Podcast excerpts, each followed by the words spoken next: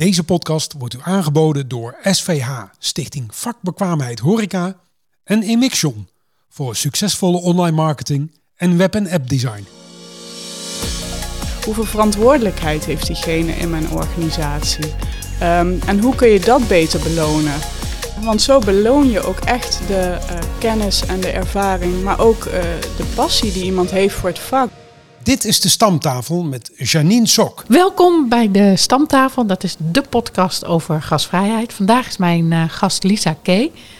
En daar ben ik heel blij om, want uiteindelijk heeft jouw man bedacht... Janine, je moet een podcast opnemen. Nou, dat vond ik zo leuk. Die heeft mij in contact gebracht met Danny... En die doet de techniek natuurlijk van Hang Loose. En nou, wat mooi. Wat fijn dat jij hier bent. En uh, we zitten weer in de horeca. Je hoort natuurlijk... Uh, het, ik vind het zo fijn om die horeca-geluiden te horen. En ja. oh, wat heb ik het uh, gemist hè, tijden met de lockdown. Ja. Maar Lisa, um, voordat je jezelf gaat voorstellen... wil ik graag proosten op de gasvrijheid. En heel fijn jou weer te zien. Maar wat is jouw favoriete drankje? Poeh, ja, een favoriet drankje heb ik niet echt. Um, ik ben heel erg gek op thee. Dus mm -hmm. ik hou heel erg van witte thee, groene thee en dan lekker die losse blaadjes, de goede kwaliteit. Um, maar ik kan heel erg genieten van rode wijn. Mm -hmm. En als het echt een hele gezellige avond is, hou ik van een cognacje. Dus ja, om een favoriet drankje te noemen, ja, dat vind ik dan lastig. Maar uh, het ligt een beetje aan de situatie en de status waar ik in ben. Ja, ja. nou, uh, in ieder geval uh, proost ja. op de gasvrijheid. Proost. En nou, zou je jezelf kunnen voorstellen aan de luisteraars wie ja, je bent? Zeker. Ik ben Lisa Kay, ik ben HR-adviseur bij Numbers. En dat is een financieel adviesbureau voor het midden- en kleinbedrijf. Onder andere ook horecabedrijven. Uh, we hebben specialisten ook die uh, de achtergrond in de horeca hebben, dus dat is superleuk. En wat van mij leuk is om te weten, is dat ik mijn opleiding begonnen ben in toeristisch management uh, aan de TIO. Dus daar is de hospitality er goed ingebracht. Um, ik heb een aantal jaren gewerkt voor verschillende tour operators en dan voornamelijk aan de productkant. En dat betekent het inkopen van reizen. Uh, hotels, vluchten, bussen, activiteiten. Dus ik heb ook veel mogen reizen. Ja, fantastisch. Ja, ja, het is heel leuk. En daarna heb ik de overstap gemaakt naar personeelszaken. En daar heb ik voornamelijk in een bedrijf in transport en logistiek mijn carrière uh, gemaakt. Daar ben ik echt van assistent tot uh, ja, wat ik nu doe, advies geven, mm -hmm. doorgegroeid. Um, inmiddels ook de opleiding gedaan, personeelszaken. En zelfs nu nog aan het studeren. Ik doe nu de post-HBO Human Resources Management naast mijn werk. Uh, wat heel interessant is. Ik hou heel erg van leren. Um, en wat uh, mijn link is tot de horeca is dat ik in 2019 samen met compagnons uh, de Miss Panda Goffertboerderij ben begonnen. Dat is een restaurant in Nijmegen. En de Nijmegenaren die zullen het wel kennen, die luisteren. Maar het is een vrij groot restaurant, 350 couverts en uh, vier verschillende zalen. Dus we verzorgen ook feesten en partijen, maar het uh, belangrijkste uh, concept wat we draaien is Asian Tapas. En um, ja, daar heb ik in, de, in het begin heb ik ook meegewerkt in de bediening. Ik heb zelfs ook leermeestertraining gedaan ja. bij jou, Janine. Daar en, kennen we elkaar ja, van. Ja. ja. dat was heel leuk. Ja. ja. En um, daar was ik dus in het begin wat meer aanwezig met schrijven van beleid, maar ook dus werken in de bediening. En nu uh, ben ik wat meer op de achtergrond aanwezig en uh, help ik ze nog met raad en daad, zo gezegd. Ja. Dus uh, ja, dat is een beetje een notendop wat ik heb gedaan en wat ik nu doe. Ja, ja, mooi. Ja, ik weet, de leermeester was ook volgens mij tussen de lockdown, was dat hè? Volgens mij, of, of ja, in de lockdown. In de eerste lockdown, ja. We hebben er natuurlijk al een paar uh, op zitten. Ja, helaas. ik weet het ook niet meer. Uh, nee, de eerste ja. lockdown, toen hebben we echt uh, de tijd genomen om... nou, ik denk wel vijf mensen hadden we toen, hè. Van ons bedrijf die de leermeestertraining deden. Dus toen hebben we ook goed geïnvesteerd in opleiden en ontwikkelen. Want toen zaten we gewoon een tijdje, ja, lagen we een tijdje stil hè, met de bezigheden. Dus dan uh, moet je je kansen grijpen om andere dingen te ontwikkelen. Ja, precies. Ja, ja. ja want ja, ik, ik, ik was getriggerd door jouw uh, verhaal natuurlijk. En uh, door die leermeestertraining heb ik jou leren kennen die ik mocht geven. En ik was jullie ook aan het coachen en begeleiden in die tijd. Mm -hmm. En ik vond jouw verhaal zo mooi. En ja, in die, in die lockdown was ik toen volgens mij ook al bezig met het boek te schrijven. En toen dacht ik, oh, ik moet jou gaan interviewen voor Ja. het boek. En eh, nou ja, je hebt echt, eh, ik vind hele waardevolle tips voor de mensen eh, die het boek lezen. Hoe gasvrij ben jij? Hè? Dat boek heb ik uitgegeven in oktober Ja. 2021. Tijd gaat zo snel. Ja, zeker. En, ehm, en daar, geef jij heel veel, denk ik van, oh, dan moet, moet iedereen gewoon naar luisteren naar jou. En jouw wijze les over je HR-adviezen. en wat ik heel mooi vond van jou, dat je zei van, je, hebt gemotiveerde medewerkers, maar ik wil juist naar bevlogen en betrokken medewerkers. En wat bedoel jij daarmee? Ja, dat, ehm, nou, voornamelijk is het verschil dat de mensen daarin heel veel werkplezier hebben. Dus eh, je kunt natuurlijk mensen hebben die goed functioneren en dan is menig ondernemer al heel blij. Eh, maar ik denk dat je nog net een stapje verder moet gaan in het denken. En ehm, dat je daarin nog de overtreffende trap moet gaan bereiken. En dat is echt het werkplezier. Dus eh, waar halen mensen hun motivatie vandaan? En kun jij als ondernemer je werknemers genoeg stimuleren om ja, de next level te bereiken? Ja, want eh, hoe, hoe deed je dat in de praktijk? Want je was zelf ook meewerkend in het Ja, restaurant, ja. in de, bij Mr. Panda. En eh, hoe, hoe deed jij dat? Als je echt, Ja. echt concreet, ik wil graag concrete adviezen, want daar hebben de mensen iets ja, aan, nou toch? zeker. Ja, Ehm, nou ja, ik werkte dus ook mee in de bediening, omdat ik ook eerst vind dat je als ondernemer moet begrijpen wat je mensen doen en waar ze in het dagelijks leven tegenaan lopen. Ehm, maar daarnaast is het toch ook wel een eh, heel persoonlijk iets. Ehm, dus leer eerst je personeel kennen. Dat heb ik ook gedaan. Eh, in het begin was het natuurlijk bij ons een heel nieuw team. Het was een nieuw bedrijf. En wat ik bijvoorbeeld concreet heb gedaan is eh, ja, erachter komen wat de motivatie van de mensen is om in de horeca te werken. En die is er altijd. Het is niet zomaar een bijbaantje of het is niet zomaar dat je ergens werkt om geld te verdienen. Eh, mensen hebben een bewuste keuze voor de horeca gemaakt. En het is aan jou om erachter te komen wat dat dan precies is. Ehm, als voorbeeld, wij hebben iemand eh, bij Mr. Panda Goffertboerderij die in de bediening werkt als bijbaantje, maar die ontzettend veel aff- affiniteit met bieren heeft. En ehm, als je daar eenmaal achter gekomen bent, weet je ook hoe je iemand kan stimuleren. We hebben hem bijvoorbeeld betrokken bij het samenstellen van de bierkaart. Ehm, als er een eh, leverancier komt met nieuwe samples, eh, kent elke ondernemer in de horeca wel. Ja, dan zeiden wij van nou kom maar terug als eh, die jongen er is, want hè, dat is ons fijnproever. En betrek dan je personeel in je bedrijfsvoering op die manier.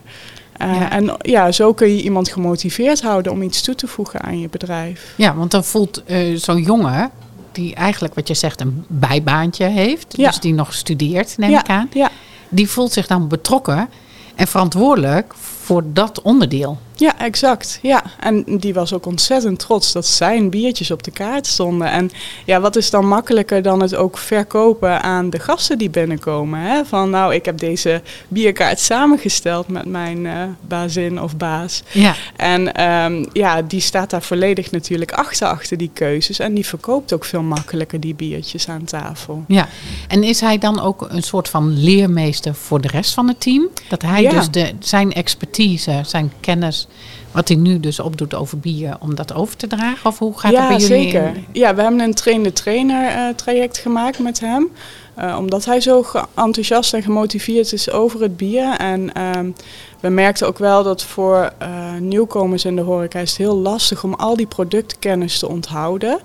Ehm, dus we hebben hem het verhaal laten vertellen over wat hem zo gepassioneerd maakt aan het bier. En ehm, hij heeft ook een stroomschemaatje bijvoorbeeld gemaakt van hoe kan ik het beste advies geven. Houdt iemand van bitter of houdt iemand van zoet? Eh, wat kan ik dan adviseren?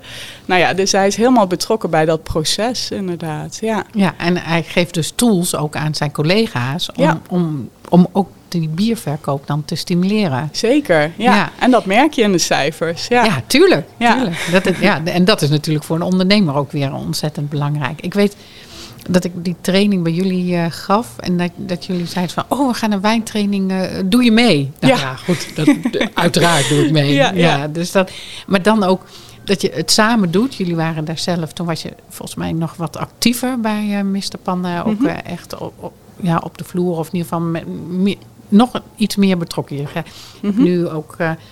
adviseer je ook andere horecabedrijven over. HR-beleid. En hartstikke goed. Maar dan weet ik nog dat het was zo gezellig. En daarna Ja. gewoon met elkaar lekker eten. En dan niet de, de, de koks iets laten koken. Nee, gewoon iets halen. En dan Ja. kan iedereen genieten. En dat is mooi. Ja, Ja. En het gaat om het samen zijn en die verbinding eh, Ja. zoeken. Om het teamgevoel, zeker. Ja, ja.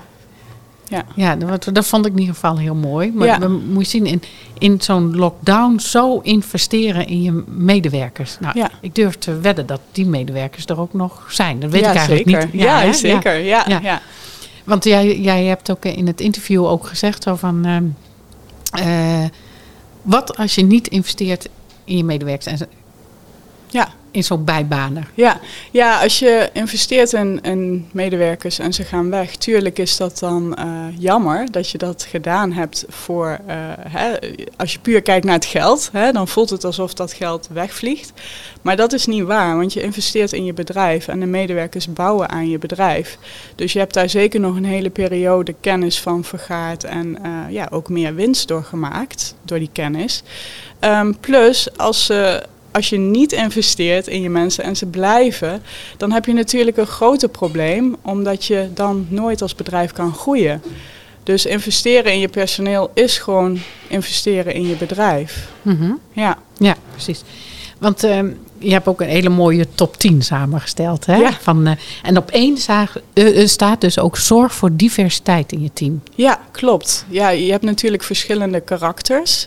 Dat is natuurlijk algemeen bekend. En eh, in een team moet je goed kijken hoe mensen elkaar kunnen aanvullen. Kijk, er zijn bedrijven die productielijnen draaien waarin het belangrijk zijn dat er allemaal dezelfde karakters op de werkvloer staan, hè, die, die heel makkelijk en snel samen kunnen werken. Maar je moet ook kijken of het misschien wel nodig is dat mensen elkaar aanvullen qua karakter. Waar iemand wat, ehm, ja, wat meer rustig is, dat er ook iemand bij staat die wel het voortouw kan nemen. Eh, dus die diversiteit is ehm, sowieso in karakter, eh, maar ook in mensen in het algemeen heel belangrijk. Ja, ja want je hebt nu dan eh, even terugkijken naar, naar de bieren. Eh, Ja. Ik weet niet of je de podcast met Puk ook hebt geluisterd. Ik, Nog niet, nee. Nee, nee, maar die is in ieder geval de, is echt, nou ja, bijna bierconnoisseur noem ik haar. En die heeft ook dan een zonnestraaltje. En dat is op basis van bier natuurlijk, maar ook met druiven erin. Dus een grape ale, oh, Oh, dan weet ik niet ja. of ik het goed zeg. Ik ben geen kenner natuurlijk. maar de, weet je, dat, die bijzondere bieren, dat is natuurlijk hartstikke leuk. Maar daarnaast heb je wijn, maar ook Ja. cocktails. En de thee is natuurlijk ook belangrijk bij jullie, zeker. denk ik. Ja, zeker. En, Ja. en, en iedereen leert dus zijn eigen, of heeft zijn eigen vakkennis ook eh, daarin. ja, ja. Kijk, en als, eh, eh, als tweede heb je ook dragen hè, een duidelijke strategie uit. ja. Ja, dus dat, dat Ja. vind je dus ook een hele belangrijke tip. Zeker, daar kun je al heel veel mensen op verliezen als je dat niet duidelijk hebt voor jezelf. Om een concreet voorbeeld te geven, eh Mr. Panda Goffertboerderij, ik zei het al, is een heel groot restaurant. eh 350 couverts en we hebben een eh, all-inclusive concept. dus je kunt voor een vast bedrag eh, zoveel eten als je wil. Ehm, en dat vraagt ook om een ander soort personeel dan andere eh, concepten in de horeca.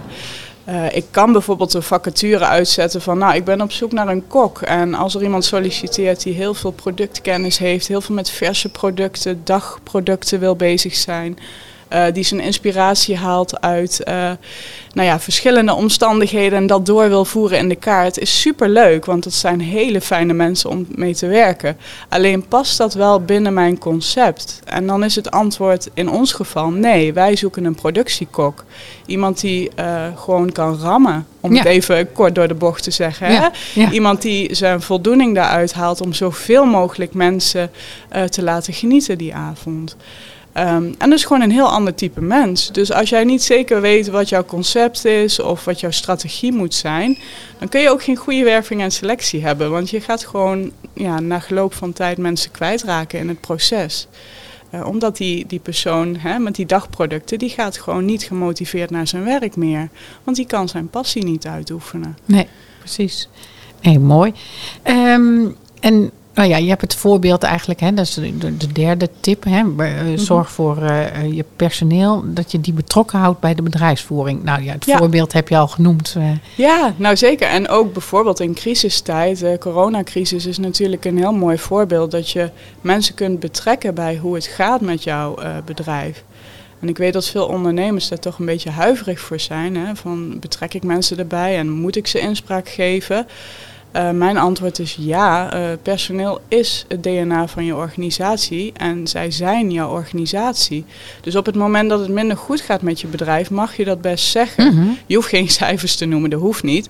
Maar je mag ze wel betrekken bij het feit van, goh, we moeten toch meer omzet draaien. Hoe denken jullie nou dat we dit kunnen doen? Of ehm, bijvoorbeeld toen, toen de coronacrisis net eh, losbrak, toen was het gelijk het idee vanuit de werknemers van, oh, maar volgens mij moeten we mondkapjes gaan dragen. Is het niet leuk als we een mondkapje met het bedrijfslogo erop hebben? Nou, toen waren we een van de eerste die dat hadden in het bedrijf. En dat keek wel super professioneel.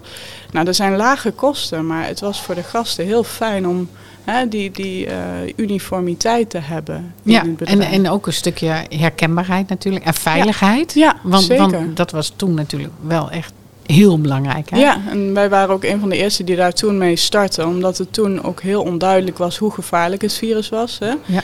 Dus ehm, toen hebben we gelijk die veiligheid ingebouwd. En wij zijn ook met ons personeel om tafel gaan zitten van wat vinden jullie nou prettig werken? Hè, want je hebt spatschermen, mondkapjes, nou ja, een variatie aan eh, eh, dingen. Wat, wat vinden jullie fijn? Hoe, hoe gaan we het doen? Ja. En eh, dat maakt mensen ook betrokken, omdat ze zelf een beetje het werk kunnen maken wat ze hebben. Ja, ja, ja een prachtig eh, voorbeeld wat je Ja. noemt. en daar hebben andere mensen heel veel aan, denk ik. Hè? Ja. Ja. En hoe, hoe hou jij jezelf... je, je- doet de HR-opleiding, eh, Ja. hè, de post-HBO. Ja, Wat haal je daar nu al uit om in de praktijk toe te passen... om jouw advies weer te geven aan horeca-ondernemers? Ja, nou ik heb drie modules. Dus ik heb eerst arbeidsrecht afgerond. En dat gaat voornamelijk over de actualiteit in het arbeidsrecht. Ehm, maar ik heb ook een module gehad strategisch HRM. En dan ga je meer nadenken over eh, HR aan de top. Dus echt in de directie meedenken over de strategie en de missie van het bedrijf. En dan laat je eigenlijk het stukje personeel een beetje los. Totdat je het echt gaat uitwerken in beleid. En ook met cijfers helemaal inzichtelijk kan gaan maken. Dus het echt objectief maken van HR, dat vind ik heel erg leuk. Want ja, het is heel veel subjectiviteit. Hè? Het heeft heel veel met gevoel te maken. En, eh, Lijkt de horeca wel. ja. en, ja, precies. En strategisch HRM is echt eh, ja, de, de missie uitschrijven in kengetallen, stuurgetallen en ook meetbaar maken of je je doel hebt bereikt. En, ehm, en de laatste is verandermanagement. Dus ook, ehm, ja, zoals je in een crisis mee te maken hebt, coronacrisis. Eh er komen vaak veranderingen in een bedrijf. Hoe ga je daarmee om en eh, hoe wordt het geaccepteerd door de mensen? En hoe kun je dat tot een succes maken? Dus het zijn best wel leuke onderwerpen om nu mee aan de slag te gaan. Ja. Ja, ja, En moet je dan ook eh, met die post-HBO ook nog stage op? Of hoeft dat niet? Kun je gewoon... eh, Ehm, nee, een stage niet. maar ik moet daar wel opdrachten voor maken, adviesrapporten voor uitschrijven. En die worden dan weer beoordeeld door de professionals die daar Mhm. eh, heel veel van weten. ja, ja. ja. jij bent ook het eh, wandelend voorbeeld van een leven lang leren. Ja, zeker. Hè? Ik Ja. eh, hou niet op. Ik heb ook alweer de volgende studie uitgekozen. Wat Dus- goed, wat goed. Ja, ja. Ja. is belangrijk. Hè? Ja. Maar ehm, als je nou terugkijkt hè, naar je eh, carrière, kun je, wie was voor jou een leermeester? Of heb je meer leermeesters? Oh, dat is een hele goeie. Even denken. Ja, ik heb natuurlijk wel ehm, heel veel inspiratie uit verschillende HR-managers en directieleden vooral ook eh, gehaald. Vooral in directieleden zie je vaak variatie in hoe zij omgaan met mensen. Hè? Je hebt eh, de resultatenmanagers en de people managers, zo gezegd. Dus ik heb daar heel veel van geleerd van eh, hoe je wel en niet met mensen om moet gaan. Maar specifiek iemand zou ik niet durven noemen hoor. Er zijn heel veel mensen die, mij daarin geïnspireerd hebben. Ehm, dus ja, qua mentor, niet echt. Eh, het klinkt een beetje cliché, maar ik denk dat mijn grootste mentor toch mijn eigen moeder is geweest. Oh. In het hele verhaal. Zij heeft mijn karakter ook heel erg gevormd. Eh, die heeft mij ook echt geleerd hoe belangrijk het is om integer te zijn, om dingen voor je te kunnen houden en ehm, door te zetten en door Ja. te leren, dat soort dingen. Dus dat is echt eh, beetje karaktervorming. Daar heb ik denk ik meer aan gehad dan de leermeesters eh, in mijn eh, vakgebied. Nee, maar dan is je moeder dus eh, een belangrijke leermeester. Ja, Wat je ook noemt, eh, integriteit, dingen voor je kunnen houden. ja, zeg je. ja. En dat is natuurlijk in jouw vak, op HR-gebied, is dat belangrijk. Maar in de horeca is dat natuurlijk ook ontzettend belangrijk. Want dingen die je in de, het horecabedrijf hoort, aan de bar of in Ja. het restaurant. Ik zeg altijd horen, zien en zwijgen. precies. Ja. Want dat, ja, dat is ook echt gelijk bij, eh, bij eh, mijn vakgebied dan. En eh, mensen voelen zich gewoon veel meer op hun gemak als ze weten dat ze bij jou het verhaal kwijt kunnen. En dat geldt in de horeca ook inderdaad. Als jij bij de bar werkt en iemand stort zijn hart uit, dan is het helemaal niet leuk als ze dat van iemand anders terug horen een week later. dat kan echt niet. Nee, dat kan echt niet. Dus ja, dan gaan ze ook niet meer naar jouw bar Nee. toe. Precies. Dus om mensen te houden en te binden is het gewoon belangrijk dat je dingen voor je kan houden en weet eh, ja, wat Ja. je wel en wat je niet moet En, zeggen. en toch zijn die geheimen van de horeca toch wel heel erg Ja, leuk. En maar dat zijn kennis die is macht, sappige, die sappige verhalen. En die, die Ja. oh wow. Ja, Ja, het is ook het mooiste wat er is. Ja, Daar ja. wil ik nog wel eens een boek over schrijven, maar dan, dan moet ik het anoniem doen. ja. ja precies. Oh ja. Ja, of, ja. Ja, je zou de verhalen wel kunnen vertellen, maar dan andere namen inderdaad. eh. Ja, dat ja. lijkt me nog wel. eh, want het is echt wat je soms hoort of wat je soms Ja. meemaakt. Weet je. Ik weet, ik, het is een heel raar verhaal, maar ik weet nog dat ik achter de bar werkte en ik had nieuwe schoenen gekocht. En, eh, echt een heel maf verhaal is dat, hè? Oh jee. En toen zei een, een, ehm, een gast zei van, oh mag ik je oude schoenen hebben? En ik had echt Oh, het was zo'n raar verzoek. voetenfetish. Ja, hij had de schoenenfetish had hij. Oh ja, En toen had ik echt zo, ja, maar moet jij met mij allemaal... Nou, ik zei, ik ga het niet weggeven. bijzonder, ja. Heel raar verhaal. Ja. Maar er was echt... een- Nou ja, je moet er bijna bij zijn. Dus, eh, nou ja, dat soort dingen. Maar ook, ja, gewoon hele... Ja, kun- jij een geheim delen zonder dat je... eh, Poeh, oh ja. Ik heb wel heel heftige dingen meegemaakt inderdaad eh, in de tijd van HR.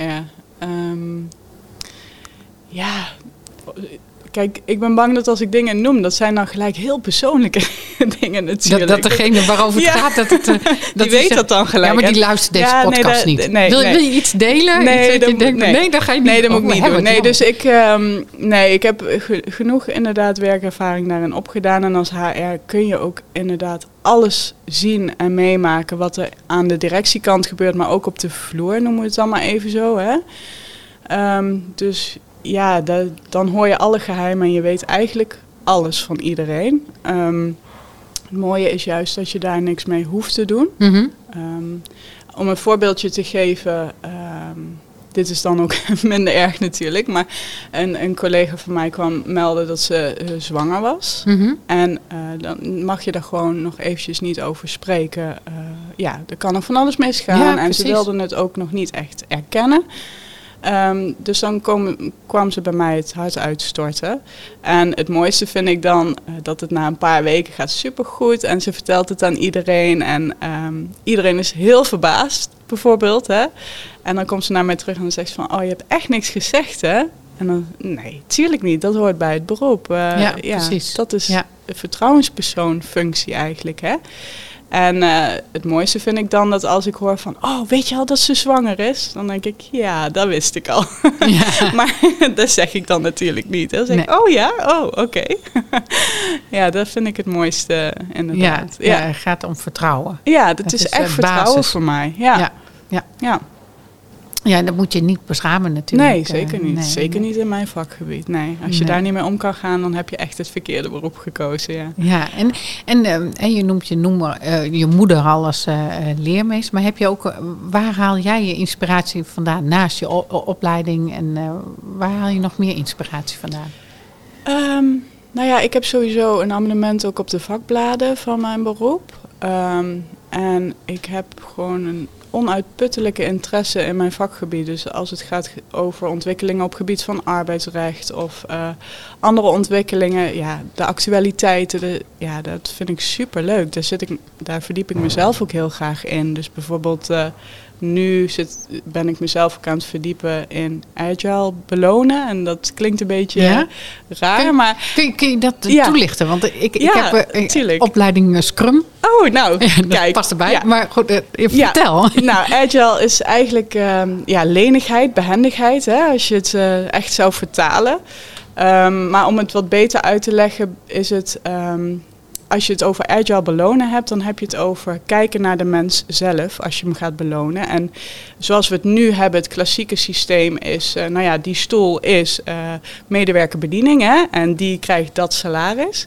Maar je moet veel meer kijken naar de persoon eh, die het werk uitvoert.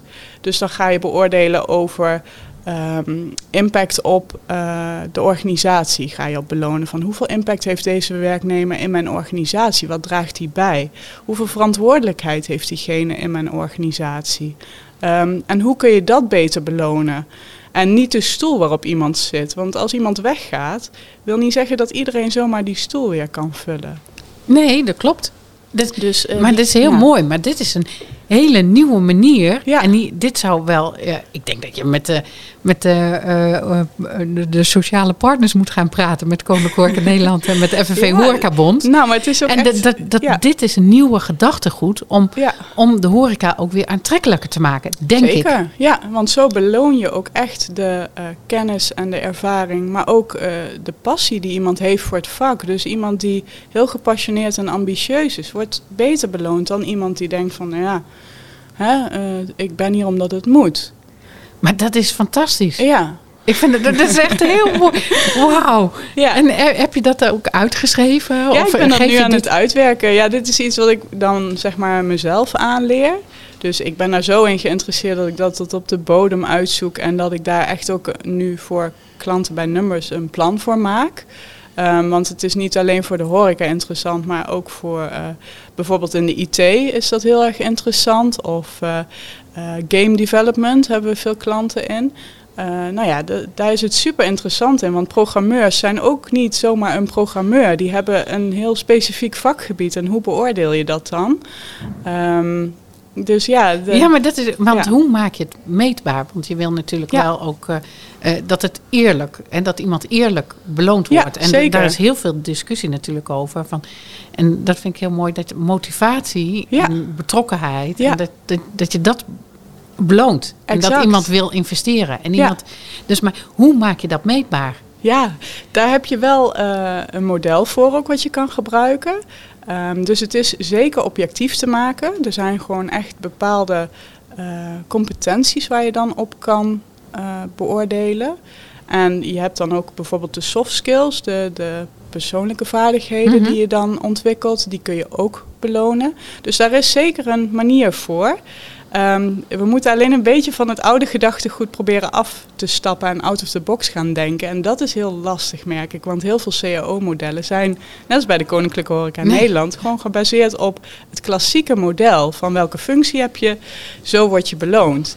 Maar dat moeten we dan ook echt helemaal proberen los te laten. En dat, eh, Dat vind ik fantastisch. Niet mee. Oh, maar ik wil, ik heb, eh, eh, zoals je weet, hè, heb ik de Golden Pineapple Club. En dan ga ik Ja. met mensen aan tafel zitten. En dan denk ik van, oh, ik wil jou uitnodigen. Om hierover te hebben. Ja, leuk. Want dan, dan eh, hè, mijn doel is om mensen gemotiveerd te maken voor het vak.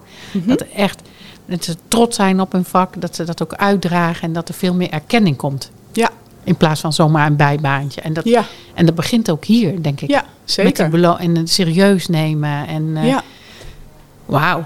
We zijn nog lang niet uitgepraat. Nee, zeker. Nee, daar heb ik genoeg ideeën over. En eh, ik ben ook in gesprek met de Koninklijke Horeca Nederland al eh, met contactpersoon. En ehm, er zijn ook wat ideeën over, maar dat is allemaal op beginstadium nog. Ja, Ja, maar je bent ook echt een pionier hierin. Dus eh, dat, vind, dat vind ik mooi. eh.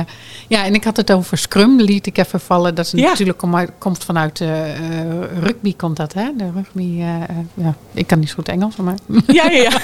maar goed, en dat is Scrum, hè? Dat is natuurlijk een hele mooie methode om iets te bewerkstelligen. Mhm. En je Ja. zou het via deze methode misschien wel zoiets kunnen doen. Als je een paar bedrijven hebt om een pilot te doen. Oh, ik heb allemaal ideeën. Ja. Met- oh, met-. Gaan ja, dadelijk over we verder gaan eh, dadelijk eh, verder het praten. te Want lang, het, eh, ik weet niet of het, ja, het is misschien wel interessant voor de luisteraars. Maar Ja. ik denk van, nou, dit wordt vervolgd, lijkt mij. Leuk. Toch, Lisa? Ja. Ehm, ik noem deze podcast de stamtafel. Wat is jouw associatie met de stamtafel?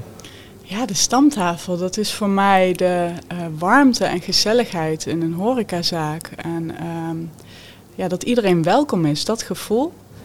En ehm, wat bijvoorbeeld, mijn schoonouders hebben ook een restaurant in mhm. Nijmegen. En um, ze hebben een gedeelte restaurant en een gedeelte afhaalrestaurant. En daar komt iedereen ook binnen en gaat aan een grote tafel zitten, gewoon om te wachten op de bestelling. En dan heb je die kleine praatjes die dan ontstaan tussen mensen uit de buurt. En uh, ja, dat is die gezelligheid en die magie die dan in zo'n ruimte gaat hangen. Dat is voor mij de stamtafel. Ja, mooi. Ja, dat, ja mooie associatie. En um, je, ja, ik, ik, wil graag mensen ook uitnodigen om uh, aan de stamtafel uh, plaats te nemen. Wie, wie zou je, denk je van, oh Janine, die moet je uitnodigen. Dat is een leuke gast. Oh, dat is een goeie. Even denken. Um, nou, ik vind Lucas Busser wel een hele leuke. Lucas Busser is een um, locatiemanager bij de firma Constant in Beweging. En die hebben verschillende ontzettend luxe evenementenschepen. En hij uh, werkt dan als uh, leidinggevende op de Blue Rhapsody. En dat is een ontzettend mooi schip. En ik denk dat hij een hele leuke toevoeging tot de show is. Niet alleen omdat hij een hele leuke functie heeft, echt heel veel over zijn functie kan vertellen. Maar ook omdat uh, hij heeft een ontzettend mooi karakter en een onuitputtelijke energie om het gasten naar de zin te maken. Dus ja, ik, ik zou hem uh, echt in de show willen horen. Oh, ja. oké. nou, die gaan we uitnodigen. Lisa, uh, dankjewel. Wij praten nog even door over jouw nieuwe ideeën om uh, de beloning van horeca-medewerkers op een andere manier vorm te geven. Super interessant. Dankjewel voor je tijd en voor de luisteraars graag tot de volgende keer. Dit was de stamtafel voor deze week. Wij praten en proosten nog even door op de gasvrijheid. Redactie en productie van deze aflevering waren in handen van Henk Lewis, Raymond Jansen en Janine Sok. Deze podcast wordt u aangeboden door SVH, Stichting Vakbekwaamheid Horeca en Emixion voor succesvolle online marketing en web- en app design.